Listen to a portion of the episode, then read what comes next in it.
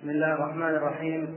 الحمد لله رب العالمين وصلى الله وسلم على نبينا محمد وعلى آله وصحبه أجمعين. قال رحمه الله تعالى وإنهم والرأس لا ريب فيهم على نجب الفردوس بالخلد تسرح سعيد وسعد وابن عوف وطلحة وما سعيد وسعد وابن عوف وطلحة وعامر فهر والزبير الممدح. نعم. قول الناظر وإنهم يريد الخلفاء الراشدين رضوان الله عليهم.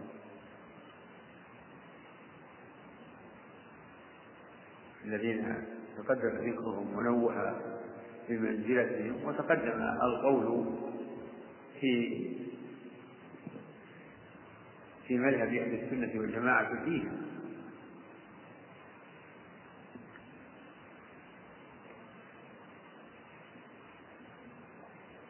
والصواب في هذه الكلمة هو أنها بالواو والرفض تعين أنها وإنهم والرهب بقية العشرة فإنهم يعني فإن الخلفاء الراشدين وبقية العشرة والرهب لأنه فسر والرهب اسم جمع لا واحد له من لفظة وهو يطلق على عدد معين من الثلاثة إلى العشرة المشهورة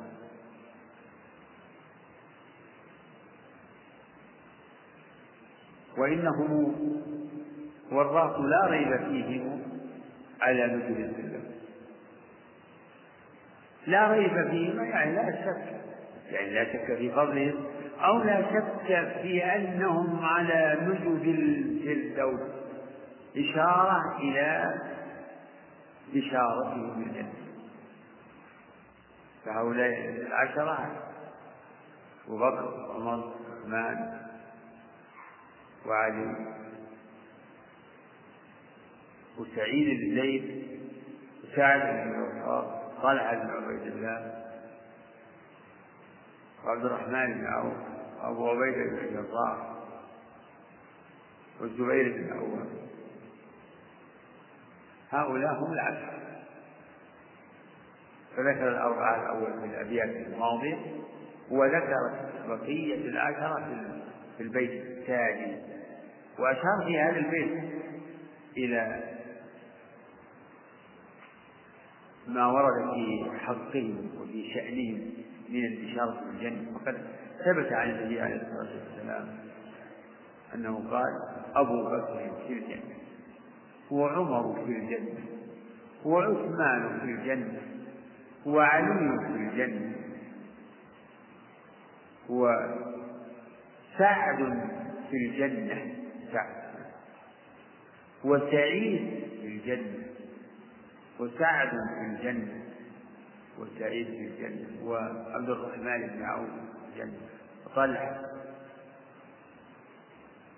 في الجنة وأبو عبيدة في الجنة والزبير العوام في الجنة روى هذا عبد الرحمن بن عوف ورواه أيضا سعيد بن زيد وكلاهما من العشرة.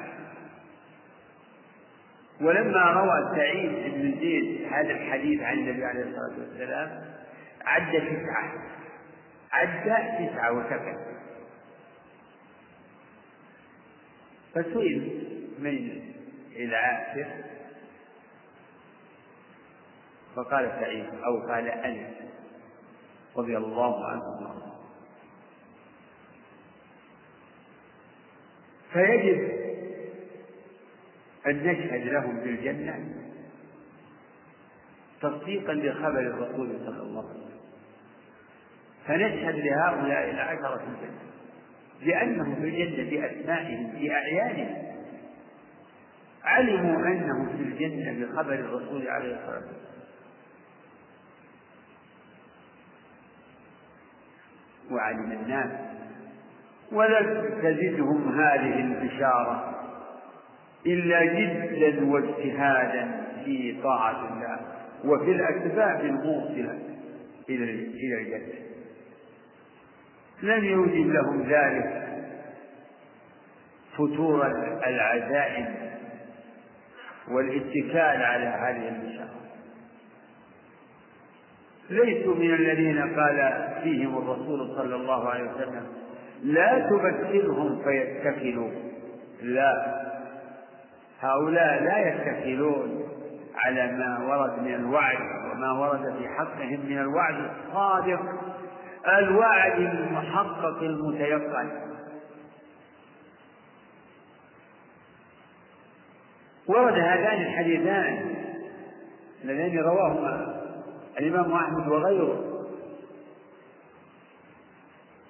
في حق هؤلاء العشرة. ثم إن لبعضهم يعني بشارات خاصة مثل أبي بكر عمر عثمان كما جاء في الحديث الصحيح عنه عليه الصلاة والسلام لما جاء إلى حائط دخل فيه وجلس على القليل فجاء أبو بكر وكان معه أبو موسى فوقف على الباب بوابا للرسول عليه الصلاة والسلام. فجاء أبو بكر فحرك الباب فقال من؟ قال أبو بكر. فاستأذن له النبي عليه الصلاة والسلام فقال أذن له وبشره بالجنة.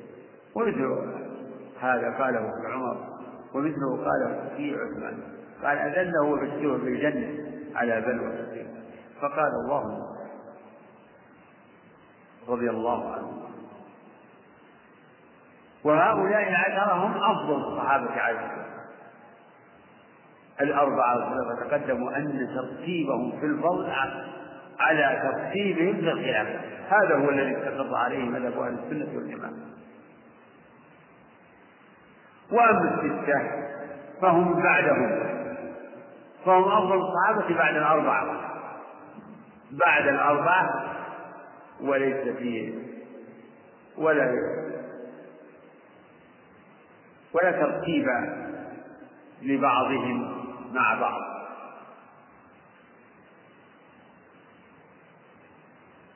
فالنظم رحمه الله أشار إلى هذه الفضيلة في هذا البيت وإنهم والرهط لا ريب فيهم على نجم الفردوس. نجم جمع نجيب. أو نجيبة. فقال لها النجائب نجيبة ونجائب وهي الرواح. حسنة القوية. والفردوس اسم من أسماء الجنة أو اسم لدرجة من درج الجنة وهي أعلى. قال صلى الله عليه وسلم إذا سألتم الله الجنة فاسألوه الفردوس فإنه أعلى الجنة وأوسط الجنة. وسقفها عرش الرحمن. لا إله إلا الله. وجاء ذكر في القرآن. والذين هم على صلواتهم يحافظون. أولئك هم الوارثون. الذين يرثون الفردوس هم فيها خالدون. على نجب الفردوس بالخلد أو في الخلد تسرح يعني من نعيم الجنة أنهم يركبون النجائر ويسيرون عليها ويسرحون في منازلهم في طول الجنة وعرضها في منازلهم التي أنزلهم الله فيها. والحديث عن الجنة في القرآن وفي السنة مستبيع وكثير. ومما يجب الاعتقاد والإيمان بالجنة والإيمان بالنار. كما في حديث عبادة بن من شهد أن لا إله إلا الله وحده لا شريك له وأن محمدا عبده ورسوله أن عيسى عبد الله ورسوله وكلمته ألقاها إلى مريم وروح منه والجنة حق والنار حق. أدخله الله الجنة على ما كان من العمل. الله تعالى يرغب عباده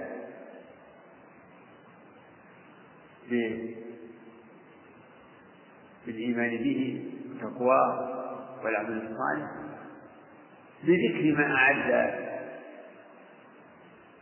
لهم من النعيم المقيم. إن الذين آمنوا وعملوا الصالحات لهم جنات تجري من تحتها النار كلما رزقوا منها من ثمرة رزقا قالوا هذا الذي رزقنا وأتوا به متشابها ولهم فيها أزواج مطهرة وهم فيها خالدون. وهذا المعنى يثنى في القرآن يثنى في القرآن بألفاظ متنوعة وكذلك الوعيد وعيد أهل النار. والله يجمع بينهم ويقرن بينهم. فيدخل الجنة فريق في الجنة وفريق في السعير. بلى من كسب سيئة وأعطت بها خطيئته أولئك أصحاب النار هم فيها خالدون. والذين آمنوا وعملوا الصالحات أولئك أصحاب الجنة هم فيها خالدون. إلى غير ذلك. من ثم قال الناظم توضيحا للكلمة والرغب لا ريب فيه مغرب قال بعد هذا البيت سعيد وسعد وابن عوف وطلحة وعامر وعامر فهري الفهري وعامر فهر نعم. وعامر فهر والزبير الممدح هؤلاء. فأما سعد سعيد فهو سعيد بن زيد بن نوفل؟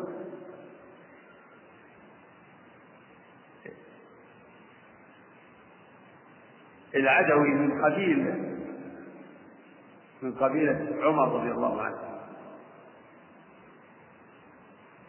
وسعد بن أبي وقاص الصورة القائد المشهور الذي قاد المعارك في الفتوح الإسلامية. هو سعد ابن أبي وقاص واسمه مالك فهو سعد بن مالك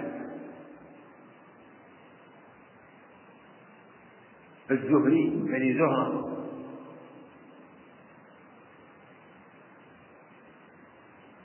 يلتقي مع النبي صلى الله عليه وسلم في الكلاب أحد أجداد النبي عليه الصلاة والسلام. عبد مناف بن قصي بن كلاب قصي بن وعبد الرحمن بن عوف كذلك. الرحمن بن عوف الزهري. هو الذي قال فيه الرسول عليه الصلاة والسلام لما صفم خالد ابن الوليد وعبد الرحمن بن عوف قال صلى الله عليه وسلم لا تسبوا أصحابي. يريد يريد عبد الرحمن وأمثاله من السابقين الأولين لا تسبوا أصحابي فوالذي نفسي بيده. لو أنفق أحدكم مثل أحد ذهبا ما بلغ مد أحدهم ولا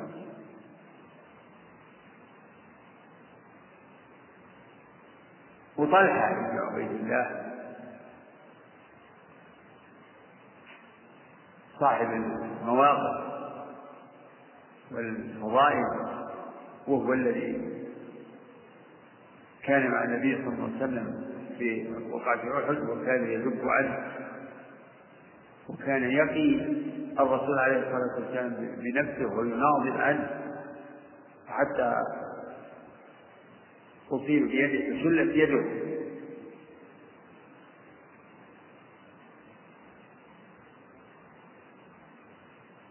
في سبيل الله وفي سبيل نصرة رسول الله صلى الله عليه وسلم.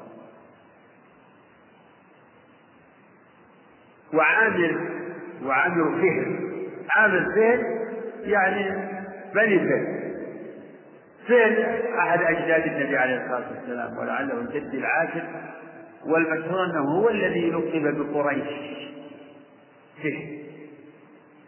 جد الرسول عبد مناف ابن قصي ابن كلاب ابن مرة ابن كعب ابن لؤي ابن غالب ابن فهد. بعيد. عامر فهد. يعني عامر بني فهد. فهو فهري. كما تقول مثلا هذا. أبو بكر خيري من بني تيم وعمر عدوي؟ عثمان أموي؟ وعلي بني هاشم هاشمي؟ فالشاهد أن هذا أبو عبيدة وهو الذي قال فيه الرسول عليه الصلاة والسلام لكل أمة أمين. وأمين هذه الأمة أبو عبيدة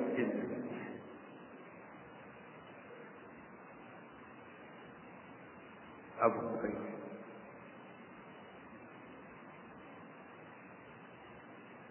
وآخر الزبير.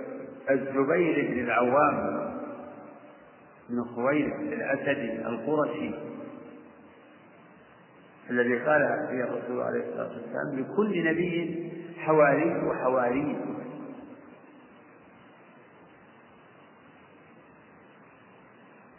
وكلهم في كل منهم فضائل خاصة. وهذه البشارة بشارة بالجنة فضيلة مشتركة بينهم. فضيلة مشتركة. ولكل واحد منهم فضائل. اختص بها ووردت في حقه وهي مدونة في في كتب السنة وفي كتب إيه، العقائد. فرضي الله عنهم وأرضاهم فيجب الإيمان بما لهم من الفضائل. يجب الإيمان بما لهم من الفضائل.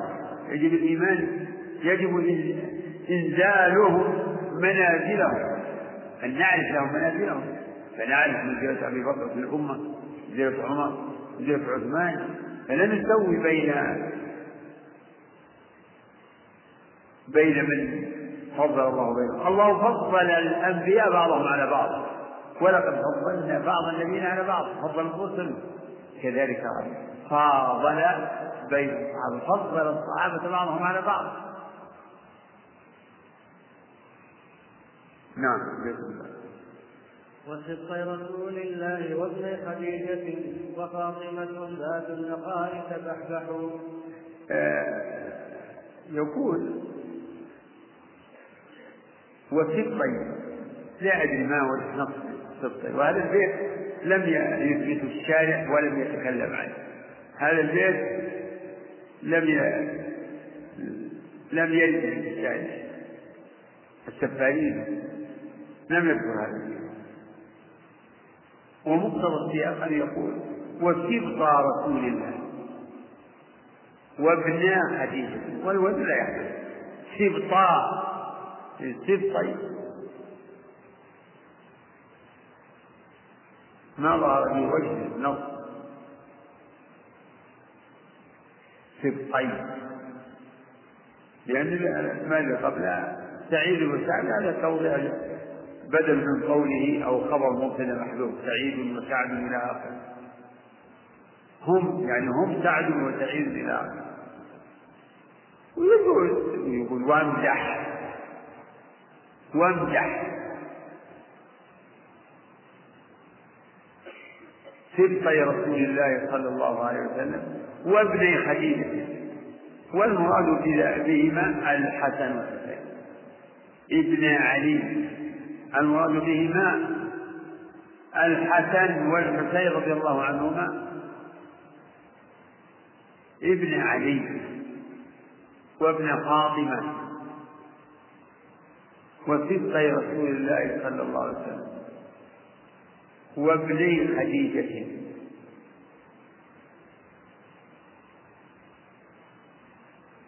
هذا هو الذي يظهر أنه يريد بالسبطين والإبنين الحسن أما سبط رسول الله فهذا لا شك لكن قوله وابن وابني خديجة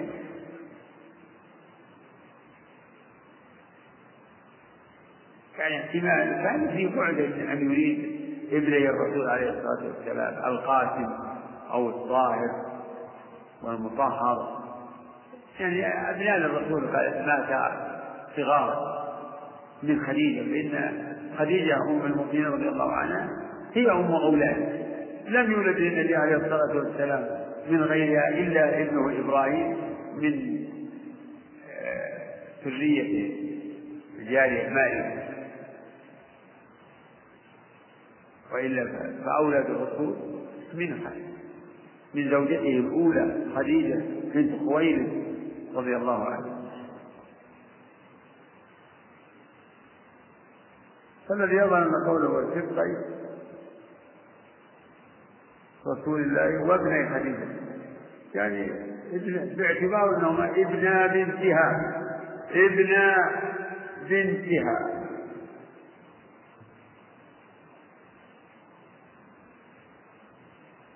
وفاطمة ذات النقاء ذات النقاء تبحبح فاطمة بنت رسول الله صلى الله عليه وسلم. لها منه المنزلة العظيمة. ويا فاطمة بنت بنت محمد سليل من مال ما شئت لا أغني عنك من الله وقال فاطمة بضعة مني. يريبها ما يريبها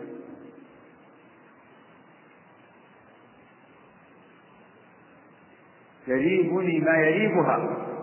يريبني ما يريبها رضي الله عنه. بضعة مني أول. وجاء في شأنها أنها سيدة نساء أهل الجنة.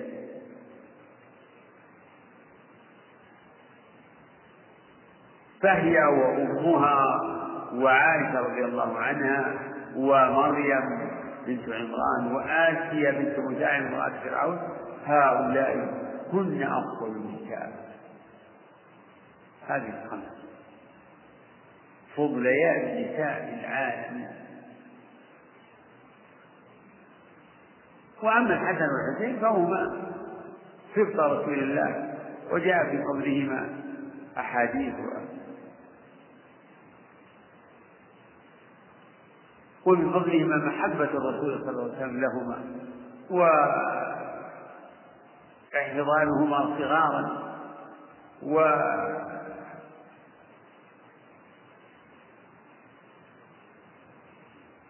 ومما ورد أنهما سيدا شباب أهل الجنة. وقال النبي عليه الصلاة والسلام في في الحسن إن ابني هذا سيد ولعل الله أن يصلح به بين فئتين عظيمتين من المسلمين. فهما معدودان.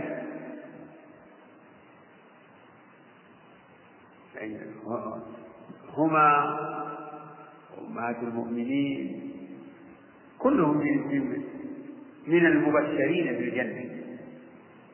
وأما ومذهب أهل السنة والجماعة أنه إنما يشهد بالجنة لمن شهد له الرسول عليه الصلاة والسلام. هذا هو الذي عليه جمهور أهل العلم. أنه لا يشهد لمعين بالجنة إلا لمن شهد له الرسول صلى الله عليه وسلم. كالعشرة والحسن والحسين وفاطمة وسائر أمهات المؤمنين رضي الله عنهم جميعا. نعم بعد وعائشة أم المؤمنين وقالنا معاوية نسر به ثم يمنح يقول وعائشة أم المؤمنين. وعائشة يعني وعائشة ويسمى ويسمى هذا الحذف حذف التاء يسمى ترقيم. والأكثر ما يقع في النداء. يقال يا عائشة يا فاطم يا خديج ويأتي الترغيب أحيانا في غير النداء قليلا. وهذا من والذي أوجب له الترغيب هو يعني رعاية النظم لأن النظم لا يسعفه أن يعبر بما يريد. وعائش كانوا كانوا على عطف على قوله وفاطمة وفاطمة ذات النقاء الممدح. ذات النقاء تبحبح. ذات النقاء والطهر فاطمة. فقوله وعائش معطوف على ما قبله. وعائشة أم المؤمنين. فهي إحدى المؤمنين وكل أزواج النبي صلى الله عليه وسلم لهن هذا الوصف. أمهات المؤمنين بنص القرآن. وأزواجه أمهات. وهذه أمومة منزلة واحترام. ليس لهن أحكام الأم من حيث يعني النظر والمحرمية والخلوة. لا. إنما أمومة احترام وفضل ومنزلة وأزواجه أمهاتهم وعائشة أم المؤمنين. فأشار في البيتين إلى فضل خديجة وعائشة وفاطمة رضي الله عنها. وذكرت أن هذه الثلاث مع مريم وعائشة هن أفضل نساء العالم ويختلف أهل السنة في المفاضلة بين خديجة وعائشة من زوجات النبي عليه الصلاة والسلام. فمنهم من فضل خديجة وقال إنها أفضل أمهات المؤمنين ومنهم من فضل عائشة على الإطلاق ولكل وكل يستدل بما ورد في فضل الواحدة منهن. وتوسط قوم فقالوا إن كل منهما أفضل من الأخرى من وجه كما ذكر شيخ الإسلام ابن تيمية رحمه الله وأن وأن وذلك بأن خديجة لها فضل السبق إلى الإسلام والمؤازرة للرسول والمعاونة له على أمره في وقت الشدة. أول ذلك عندما نزل عليه الوحي في حراء وجاء يرتعد خائفا وذكر يقول ذكر لها مكان وقال إني خشيت على نفسي. فقالت له القولة المعروفة التي تدل على رجاحة عقلها وعمق فهمها وعلمها بالله. أيضا كلا والله لا يخزيك الله إنك لتصل الرحم تقرض الضيف تكتب المعلوم وتعين على نوائب الحق. وعائشة أفضل من جهة الفقه الدين والتبليغ لأحكام الدين. فهي حملت عن النبي عليه الصلاة والسلام حديثا كثيرا وبلغته فهذه فضيلة تختص بها ليست لخديجة ولخديجة فضيلة تختص بها ليست لعائشة. والله أعلم في أيهما أفضل عنده أما من حيث الفضائل فلكل منهما فضيلة تتميز بها عنه. وكان النبي صلى الله عليه وسلم يحب خديجة ويذكرها ويقول كانت وكانت وكانت ويذبح الشاة ويقسمها على خلائق وصديقات خديجة. وكانت عائشة رضي الله عنها تغار منها وهي ميتة تغار طبيعة طبيعة. تغار منها.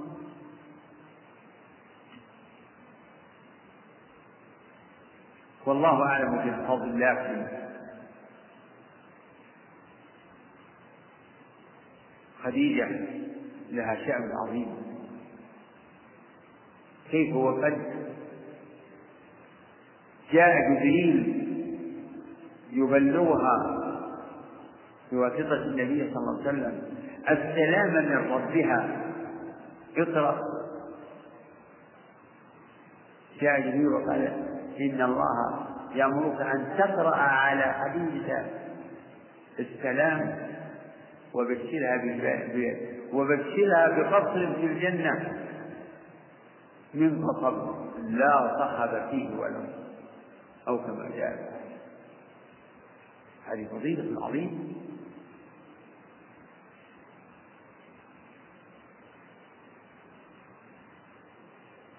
ثم يقول الناظم بعد هذا الحديث عن عن فضائل هؤلاء السادة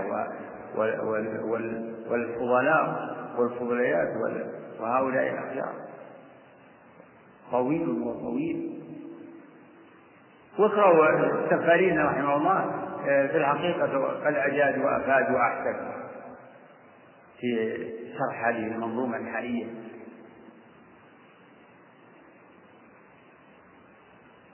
يقول الناظم وعائش أم المؤمنين.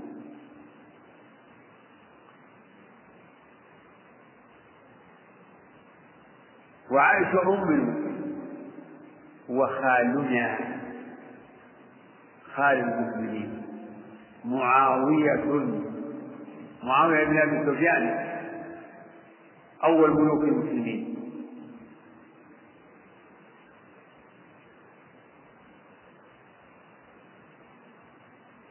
نعم معاوية أكرم به ثم أمنع.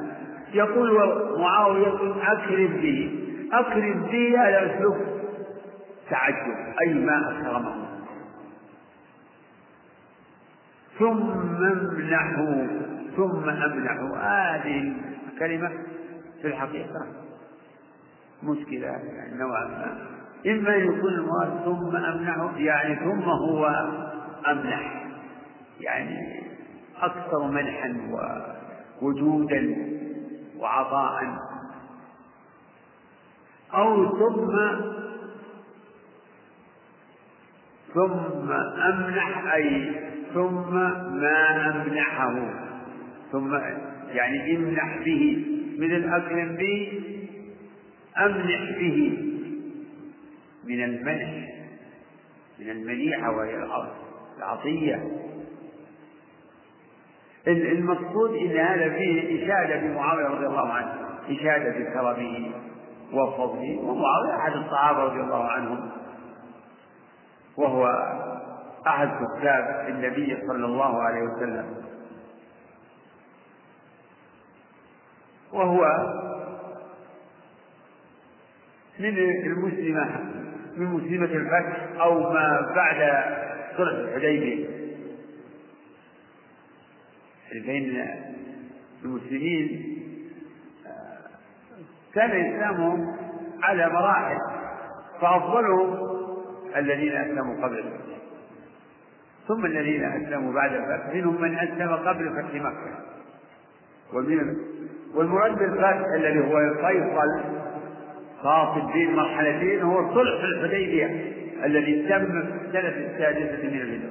وهو المذكور في قوله سبحانه وتعالى لا يستوي منكم من أنفق من قبل الفتح وقاتل أولئك أعظم درجة من الذين أنفقوا من بعد وقاتل فمعاوية رضي الله عنه وعمرو بن أبي العاص رضي الله عنه وخالد بن الوليد رضي الله عنه جميعا رضي الله عنه كلهم من هذا النوع. يعني ليسوا من السابقين الأولين. السابقون الأولون هم القول الراجع في المراد بالسابقين يعني من أسلم من قبل. لا يستوي منكم من أنفق من قبل الفتح وقاتل. أولئك أعظم درجة من الذين أنفقوا من بعد وقاتلوا وكلا انتبه قال الله وكلا وعد الله كلهم موعودون كلهم. على فضائلهم ومنازلهم.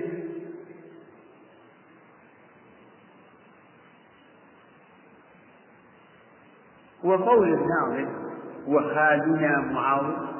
خال هذا لقب لمعاوية لكن أنا في الحقيقة لا أدري من الذي لقبه بخال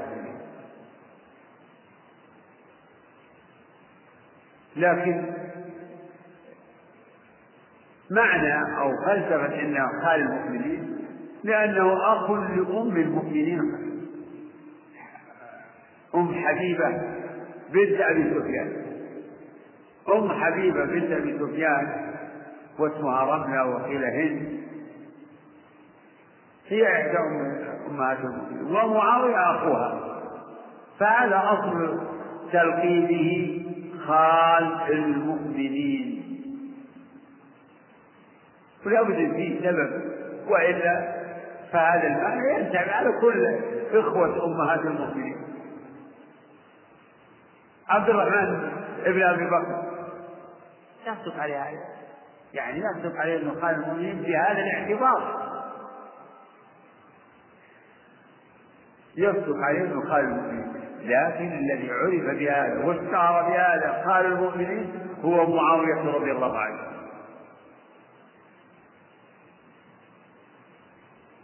فيجب أن يعرف له فضل فضل الصحبة وفضل تقريب الرسول صلى الله عليه وسلم له حتى اتخذه من كتابه. هذه فضيلة له تعرف.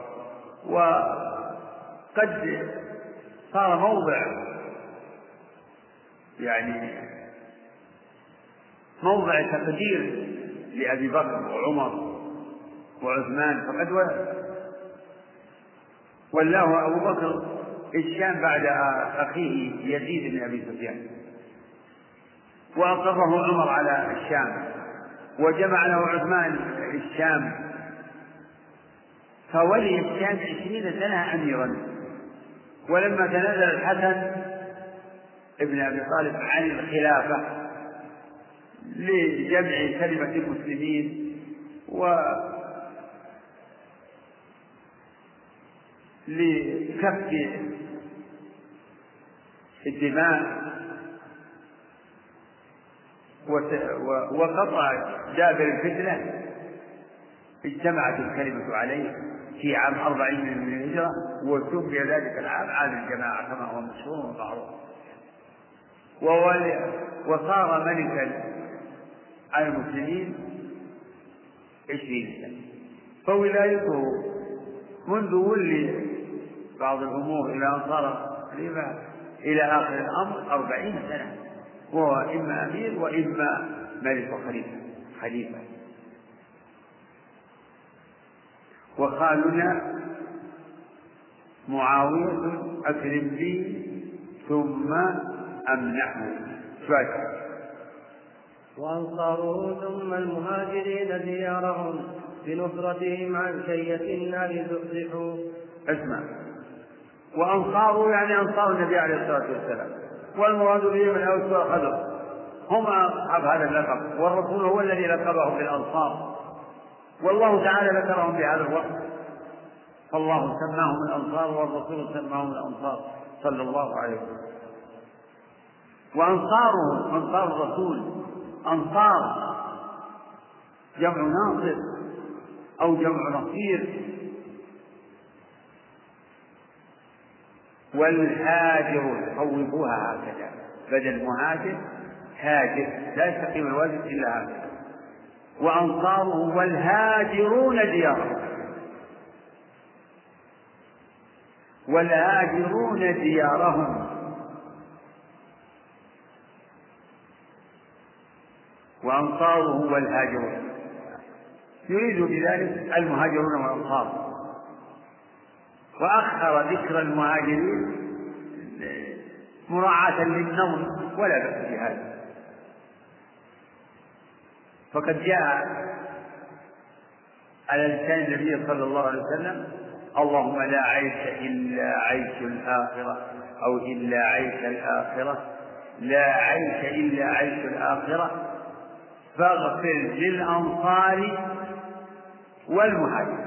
وإلا فالأفضل هو تقديم المهاجرين فالمهاجرون مقدمون على الأنصار في القرآن في كل المواضع. والسابقون الأولون من المهاجرين والأنصار. للفقراء المهاجرين إلى قوله والذين جاءوا من بعد والذين تبوأوا الدار والإيمان من قبلهم.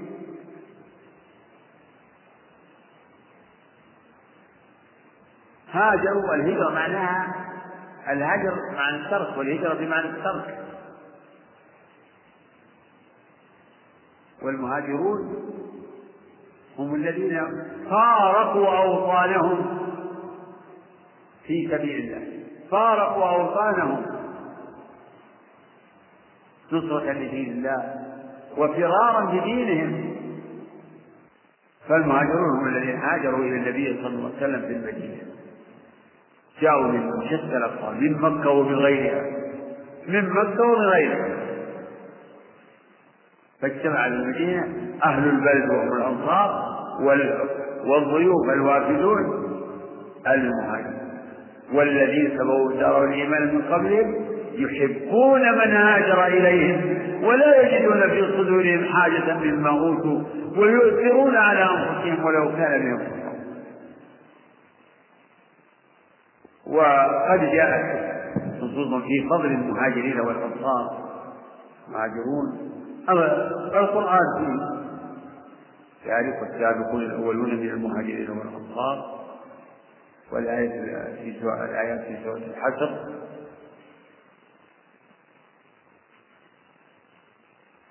قال الله تعالى والسابقون الأولون من المهاجرين والأنصار والذين اتبعوهم بإحسان رضي الله عنهم ورضوا عنه واعد لهم جنات تجري تحتها الانهار خالدين فيها أبدا. ذلك الفوز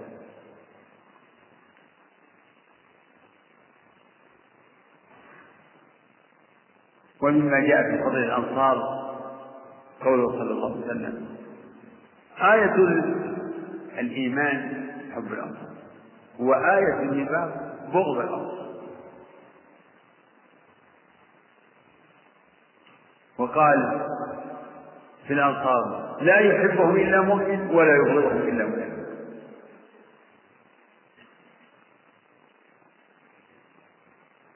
وإذا كان هذا في الأنصار فالمهاجرون من باب أولى. فهم أنصار. المعنى معنى النصرة حاصل للكل ومن الكل حاصل للكل ومن الكل ومن الكل. وأنصارهم والهاجرون ديارهم. هجروا ديارهم. هاجر ديارهم مفعول بها. يعني والذين هجروا ديارهم وأموالهم كما قال تعالى للفقراء الذين أخرجوا من ديارهم وأموالهم يبتغون فضلا من الله ورضوان وينصرون الله. هي أثبت لهم صفة النصر وينصرون الله ورسوله. أولئك هم الصادقون. فأثنى عليهم أثنى عليهم بطلب فضل الله ورضوانه وأثنى عليهم بنصرة دينه وينصرون الله ورسوله وأثنى عليهم بالصدق أولئك هم الصالحون يقول الناظم وأنصاره والهاجرون ديارهم. بنصرته بنصرتهم بنصرتهم عن كية النار تحزحوا والشارع عنده شارع سفريني في لوائح الأنوار.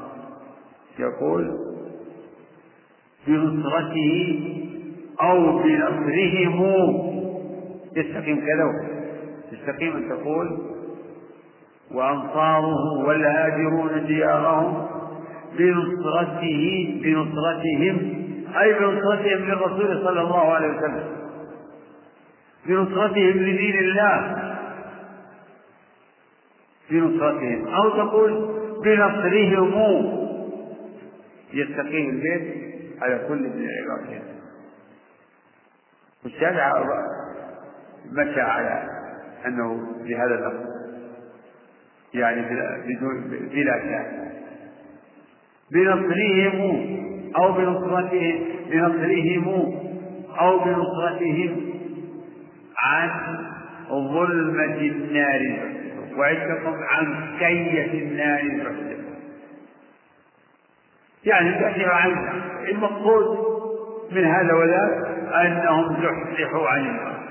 بنصرهم بإيمانهم ونصرهم لدين الله ونصرهم لرسول الله زحزحوا عن النار. بهذا نجوا. قال صلى الله عليه وسلم في أهل بيعة الرضوان لا يلد النار أحد بايع الشجرة. لا يدخل النار أحد بايع الشجرة. فقالت له حفصة يا رسول الله أليس الله يقول وإن منكم إلا والدها وإن منكم إلا والدها فقال عليه الصلاة والسلام إنما إنما ذلك العبور عن كيف الناس زحزحوا. وزحزح الإبعاد بشيء من التدرج والدفع شيئا شيئا. زحزح. قال الله تعالى كل نفس ذائقة الموت وإنما توفون أجوركم يوم القيامة. فمن زحزح عن النار وأدخل زحزح عن النار وأدخل الجنة. ومن زحزح عن النار دخل الجنة. ولكن تمام الفوز؟ الموت إنما يتم بدخول الجنة. أول الموت النجاة من النار. والزعزع عن النار. ومجاوزة النار مجاوزة النار. التجاوز فمن جاوز النار تجاوز كل الأخطار. انتهى. نجا من نجا من النار نجا من كل هم وغم وكرب وحسرة وشدة. من تجاوز النار نجا من كل مكروه.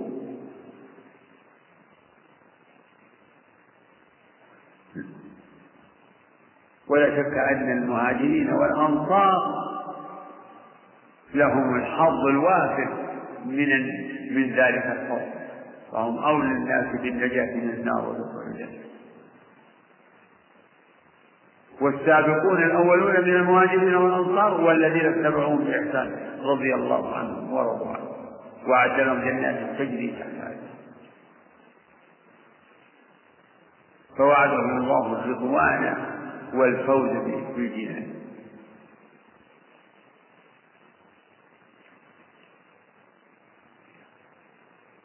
ما الذي بعده؟ بعده تقول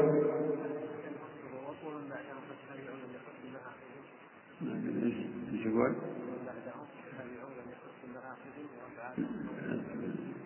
والتابعون. والتابعون كذلك التابعون. والتابعون. وكذلك التابعون والتابعون. التابعون كذلك التابعون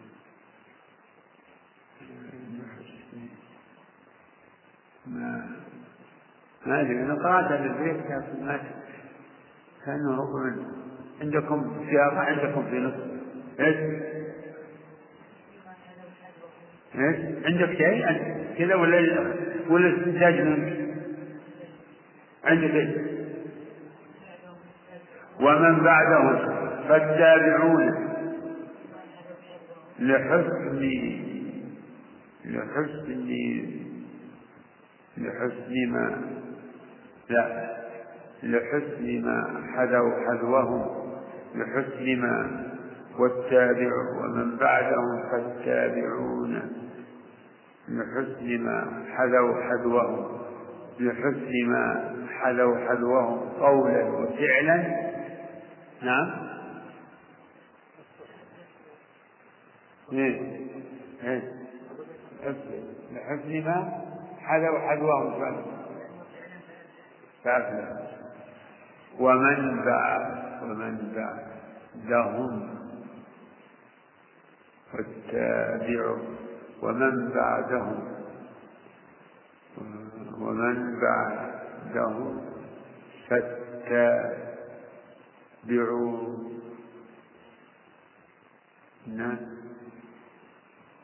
لحسن ما. ومن بعدهم فالتابعون لحسن ما. حلوا حلوهم. نعم.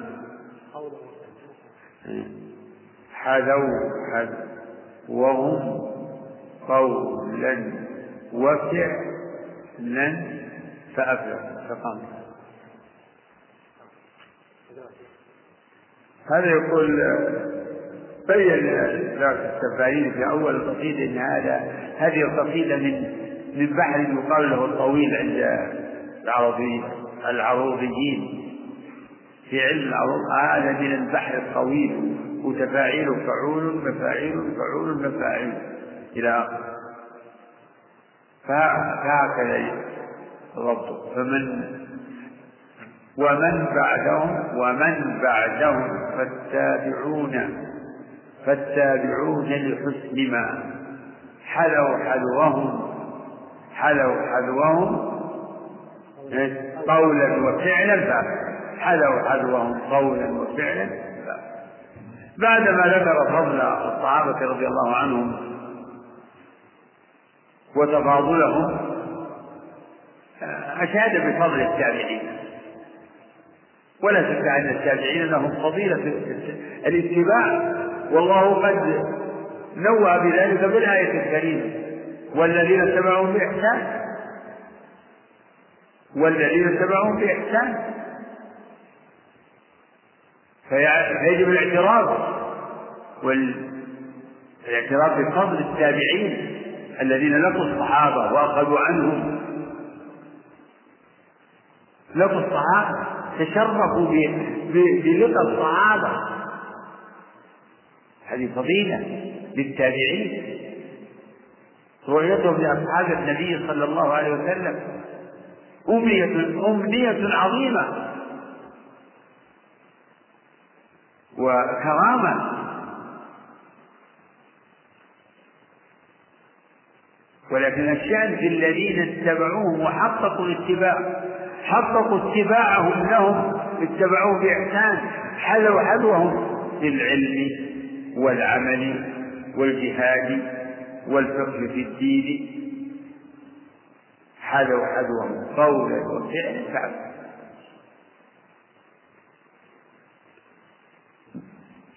نعم.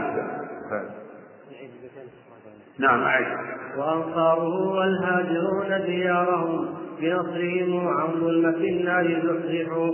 ومن بعدهم فالتابعون لحسن ما حذوا حذوهم قولا وفعلا فأفلحوا.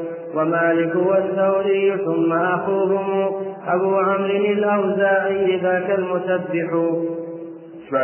ومن بعدهم فالشافعي وأحمد إمام هدى من يتبع الحق ينصح. أولئك قوم قد أولئك قوم قد عفى الله عنهم فأحببهم. فإنك تفرح. إيش؟ هكذا يشوف أحببهم فإنك تفرح. هذه الأبيات أظنها الثلاثة يظهر أنها أيضا لم تثبت عند الشارع الظاهر الإنسان وقف عند يعني ذكر الصحابة والتابعين. وعلى كل حال إن صحت هذه الأبيات عن الناظم فهو كما أشاد بالصحابة والتابعين أشاد بالأئمة المشاهير المشهورين بالعلم والدين والعبادة والصلاة وذكر منهم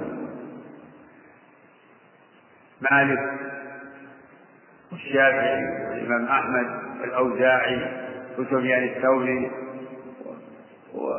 وهؤلاء على سبيل المثال. ذكرهم على سبيل المثال ولا يستقيم أن يكون على سبيل الحصر فهؤلاء لهم نظراء وأمثال.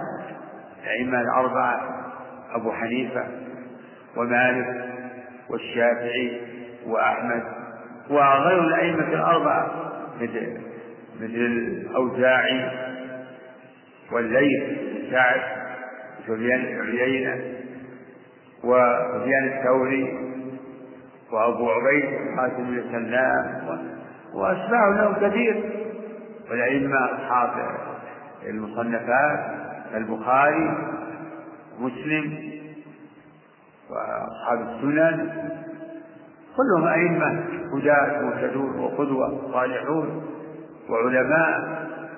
يجب الاعتراف بفضائلهم وما أكرمهم الله به من العلم والدين والإمامة في الدين.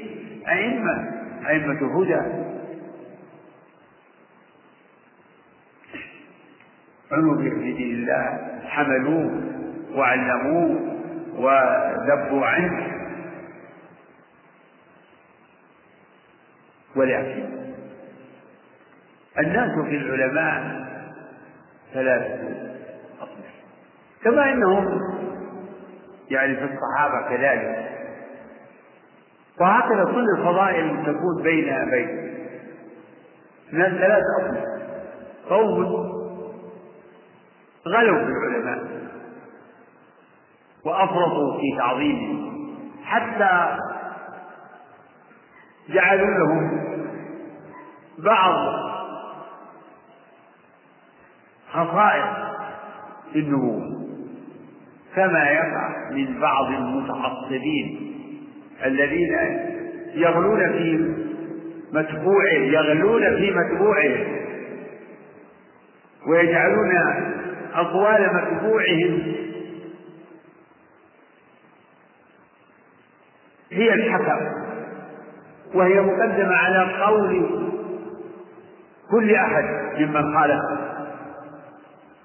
فلا يقبلون من سواه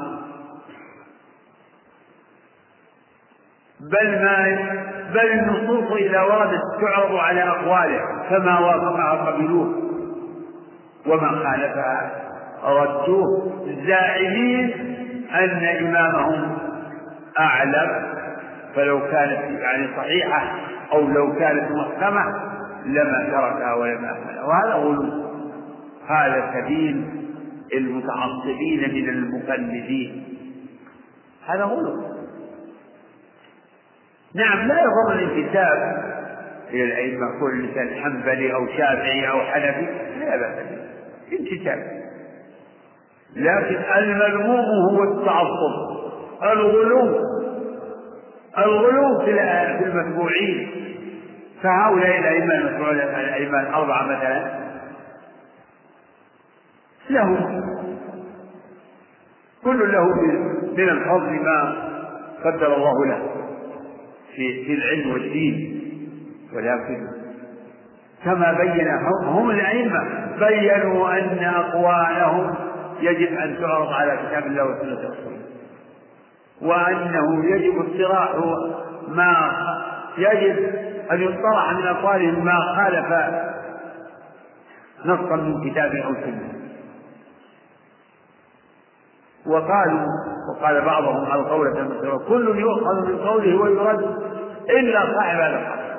هذا مذهبهم جميعا كلهم يكررون هذا. فالذين يتعصبون لهم هم مخالفون لهم. الذين يتعصبون لهم هم مخالفون. ويقابلهم الذين يرفضونه ولا يعرفون لهم مقدارهم ولا ينظرون في أقوالهم. ولا يستفيدون من فهومهم واستنباطهم و... و... وبيانهم. ويقولون نحن كذا نحن رجال نحن نحن رجال وهم رجال. لكن سبحان الذي فاضل بين الرجال فاضل بين الناس. فهذان فريقان على طرفي نقيض. هؤلاء غلوا وتعصبوا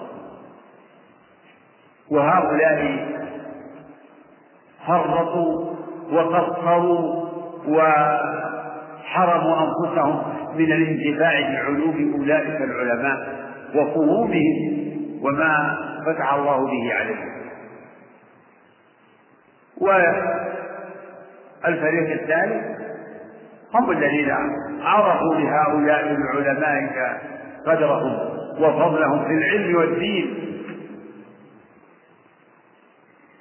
فاعترفوا بعلمهم وإمامتهم وهدايتهم واقتدوا بهم وتعلموا منهم واستفادوا من فهومهم ولم يتعصبوا له.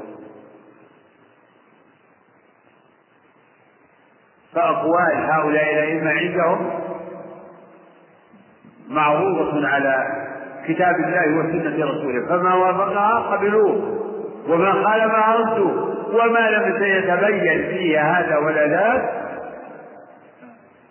جعلوا موضع يعني اختيار. فالأمر فيه واسع هذه أقوال الأئمة. أقوال الأئمة هكذا يجب. ما وافق الدليل وجب الأخذ به تحكيما للدليل. واتباعه فيه حق. اتباعه فيما قام على الدليل حق. وما خالف الدليل وجب اقتراحه وهذا من اتباع الأئمة.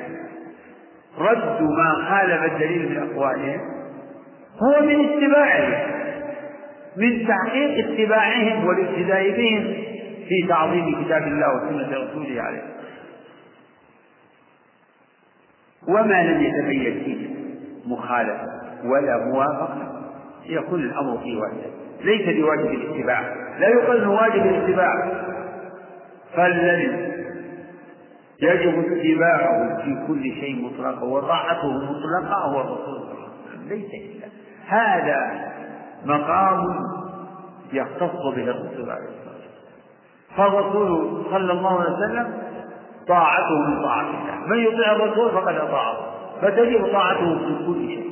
طاعة مطلقة بلا بلا قيود أما غيره فطاعته مقيدة بطاعة الله ورسوله.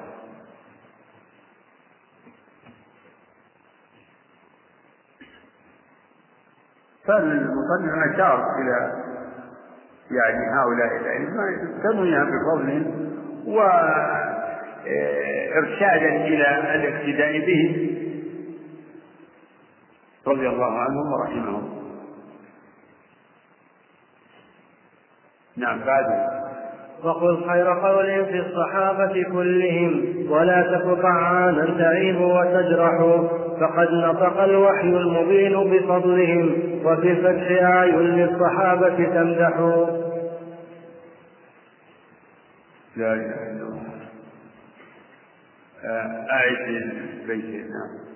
وقل خير. وقل خير قول في الصحابة كلهم ولا تك طعانا تعيب وتجرح فقد نطق الوحي المبين بفضلهم وفي الفتح آي للصحابة تمدح. هذا البيتان تضمن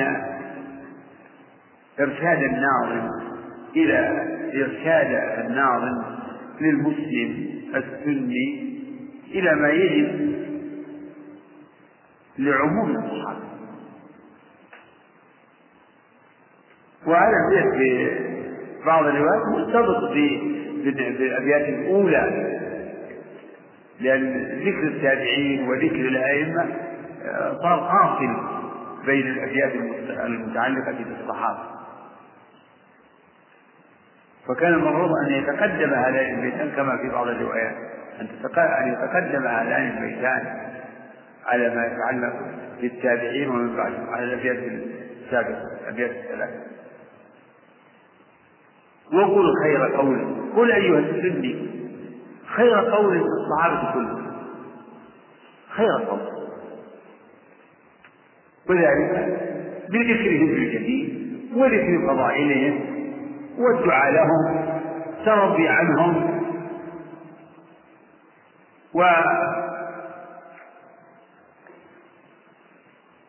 وبيان ما يجب اعتقاده فيهم. وقل خير قول في الصحابة كلهم. دون فرق لا تفرق بين الصحابة. لا تفرق بينهم. إلا في ما فرق الله. إلا في ما فرق الله به فيما بينهم. وذلك بإنزال كل منزلته ولكنهم جميعا يشتركون في وجوب محبتهم ووجوب الثناء عليهم ووجوب الاعتراف بفضلهم الذي يشتركون فيه اعتراف بفضلهم وتفضلهم. فكلهم يشتركون في فضيلة الصحبة على منازلهم في يشتركون في فضيلة في فضيلة الصحبة. وقل خير قول في الصحابة كلهم. ولا تكن طعانا تعيب وتجرع. ولا تكن طعانا في من الصحابة. كما تفعل طوائف المبتدعة من الرافضة والخوارج فالرافضة يطعنون في كل الصحابة إلا نفر قليل. يطعنون فيهم ويعيبونهم. ويخصون الشيخين بمزيد من الطعن والسب واللعن. فعل الرافضة فعل فعليهم أعني على الرافضة لعنة الله. يلعنون أبا بكر وعمر. أفضل الصحابة خير هذه الأمة. بل خير الناس بعد الأنبياء. يخصونهما باللعن. يخصونهما بالبغض. يخصونهما بالسب والشك و ويكفرون أو يفسقون سائر الصحابة. يقول الجميع إلا القليل من الصحابة. مثل عمار بن ياسر. مثل آه، سلمان الفارسي. أفراد قليل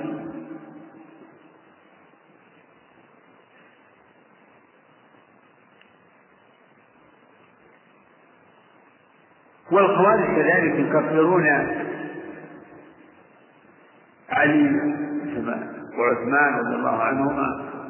يكفرون أصحاب الجمل أصحاب صفين يعني الذين اشتركوا في هذه في هذه الوقائع. فالشارع فالناظم يرشد إلى ذكر الصحابة بالجميل والحذر ويحذر من الطعن على أحد منهم. ولا تك طعانا تعيب وتجرح كما يفعل أهل البدع من الخوارج والرافض. والناس الصحابة أحسن الطوائف كما تقدم. طرفان ووسط فالرافضة يغلون في أهل البيت. ويدعون للأئمة منهم العصمة. لأئمتهم العصمة. يدعون فيهم العصمة. ويفرقون في سائر الصحابة ويبغضونهم فالرافضة جمعوا بين بين الضلالتين ضلالة الغلو وضلالة التقصير في الصحابة فغلوا في فريق وفرطوا في آخرين في, في أكثر الصحابة والخوارج غلا يعني فرطوا وقصروا في شأن أهل البيت. وآخرين من الصحابة. وأهل السنة وسط بين هؤلاء. أهل السنة والصحابة وسط بين الرافضة والخوارج. فهم يؤمنون بفضلهم وتفاضلهم وينزلون كل منزلته ولا يفعلون في أحد منهم ولا يجرحون أحدا منهم رضي الله عنهم وأرضاهم البيت الأخير. فقد نطق الوحي. فقد نطق الوحي المبين بفضله. يعني بقول الصحابة نطق الوحي المبين مثل الآيات التي تقدمت في سورة الصلاة والسابقون الأولون وفي سورة الحشر للمهاجرين في سورة الحشر للفقراء المهاجرين إلى آخر الآيات وفي سورة الفتح الفتح فيها آيات في فضل الصحابة. لا سيما أهل بيعة الرضوان لقد رضي الله عن المؤمنين إذ يبايعونك تحت الشجرة فعلم ما في قلوبهم فأنزل السكينة عليهم وأثابهم فتحا قريبا. وقال في آخر السورة محمد رسول الله والذين معه أشداء على الكفار رحماء بينهم تراهم ركعا سجدا يبتغون فضلا من الله ورضوانا. سيماهم في وجوههم من أثر السجود. ذلك مثلهم في التوراة ومثلهم في الإنجيل كزرع. كزرع أخرج شطأه فآزره فاستغلظ فاستوى على سوقه. يعجب الزراع ليغيظ بهم الكفار. وعد الله الذين آمنوا وعملوا الصالحات منهم مغفرة واجرا عظيما فرضي الله عنهم وأرضاهم ورزق ورزقنا حبهم وسلك بنا سبيلهم وجعلنا وإياكم من التابعين لهم بإحسان. صلى الله عليه وسلم.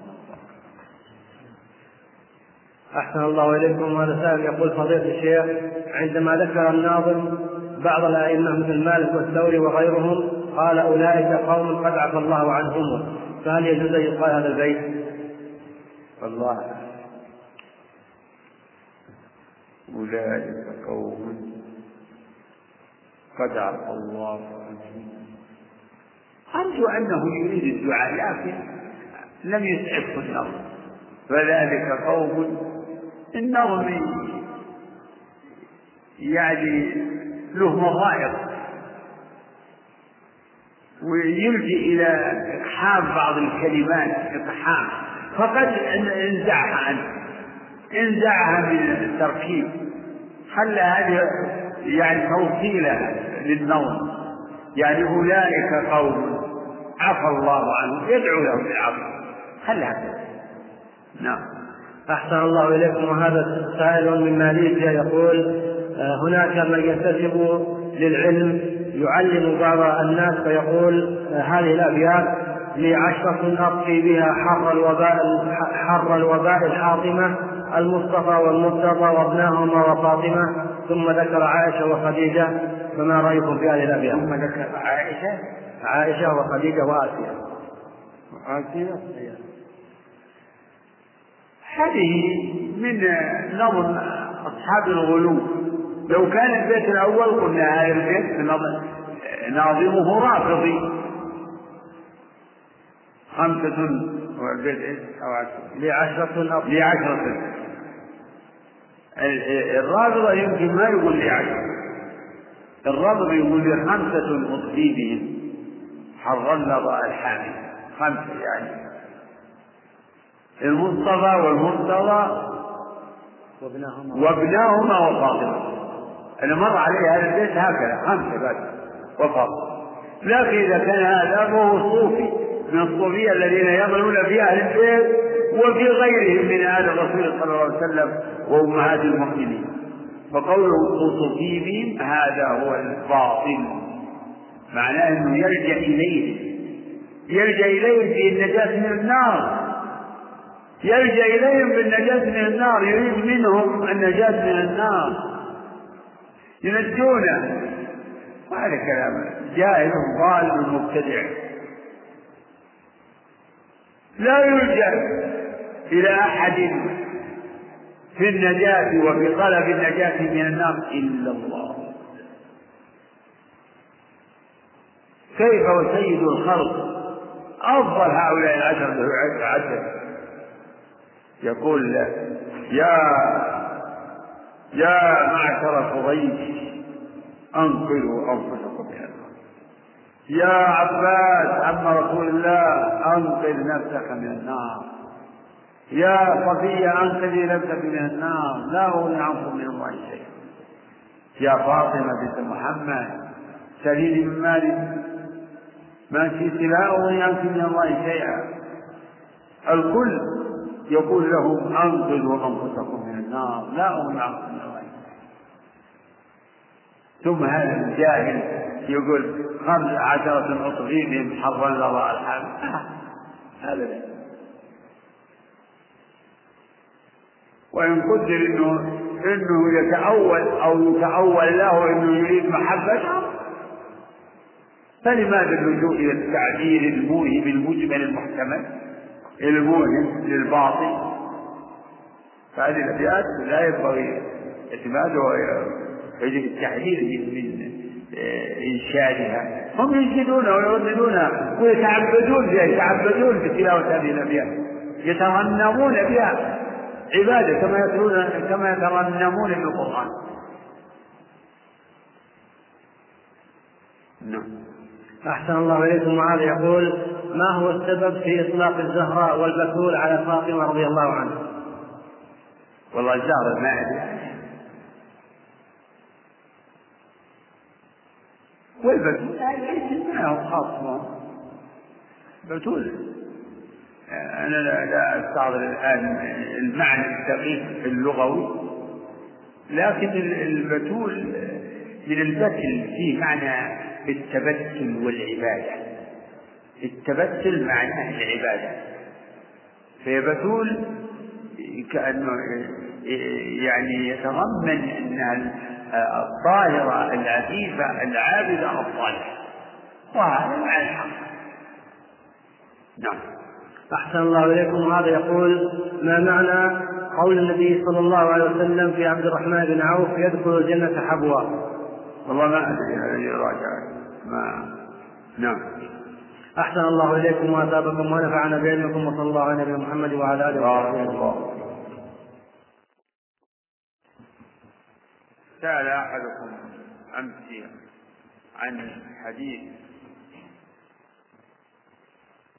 أن النبي صلى الله عليه وسلم يقول رأيت عبد الرحمن بن عوف رضي الله عنه يدخل الجنة حبوا كان الثاني يسأل عن معنى الحديث.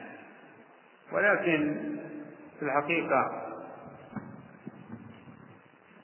أحد الحاضرين بدرجة هذا يعني لفت النظر إلى أن الحديث ما هو صحيح.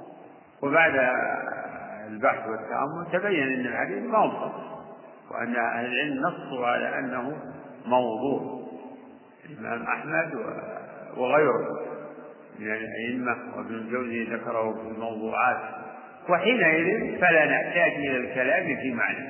ما دام انه موضوع وكذب فلا نحتاج إلى الكلام في معناه والله أعلم. نعم. بسم الله الرحمن الرحيم. الحمد لله رب العالمين وصلى الله وسلم وبارك على نبينا محمد وعلى آله وصحبه أجمعين. قال رحمه الله تعالى وبالقدر المقدور أيقن فإنه زعامة عقد الدين والدين أفيح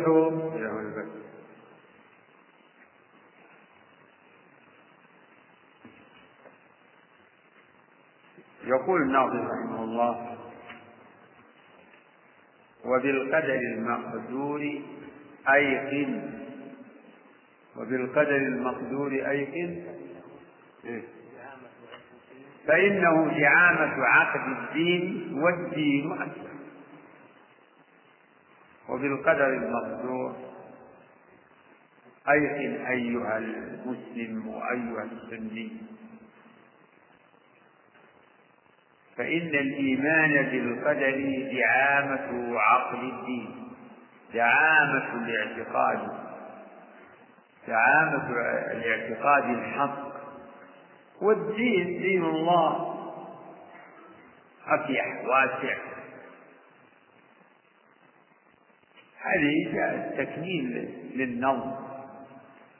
الناظم ضمن هذا البيت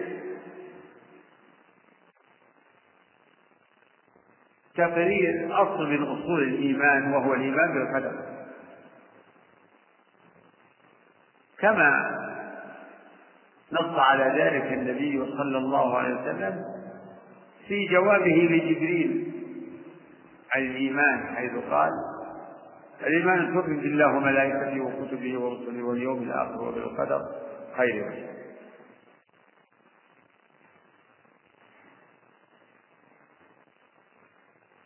فالإيمان بالقدر أحد أصول الإيمان؟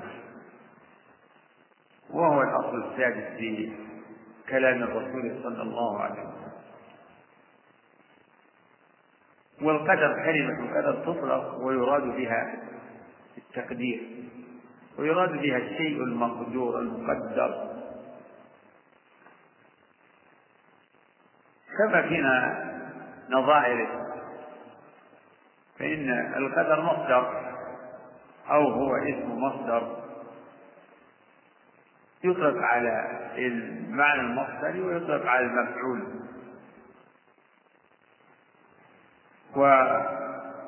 والمراد أنه يجب الإيمان بتقدير الله لمقادير الأشياء.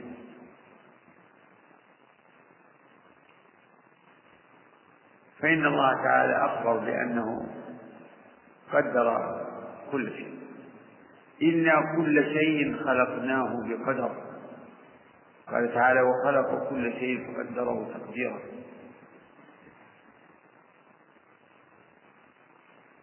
وقال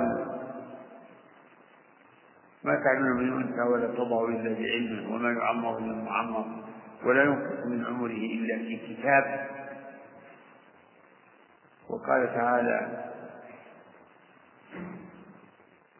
لم تعلم أن الله يعلم ما في السماء ما في السماء والأرض. إن ذلك في كتاب والايمان بالقدر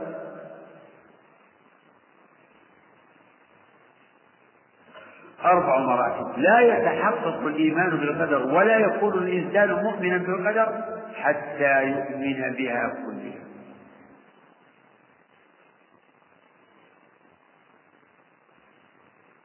الأولى الإيمان بعلم الله السابق القديم بعلمه السابق بكل شيء يعني الإيمان بأن الله علم ما يكون قبل أن يكون. وبما في ذلك أفعال العباد. فقد سبق علم الله بما بما هم عاملون. سبق علمه بذلك.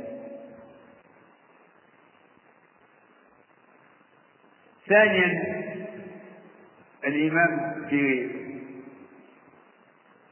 كتابة الله لمقادير الأشياء تقديره لمقادير الأشياء كتابة كما في الآيات التي ذكرت. وكما جاء في حديث عبد الله بن عمرو بن العاص عند مسلم. أن النبي صلى الله عليه وسلم قال قدر الله مقادير الخلق قبل أن يخلق السماوات والأرض بخمسين ألف سنة وفي حديث عبادة بن الصامت رضي الله عنه عن النبي صلى الله عليه وسلم أنه قال أول ما خلق الله القلم قال له اكتب. قال وما أكتب؟ قال اكتب ما هو كائن إلى يوم القيامة. فجر القلم بما هو كائن. الحديث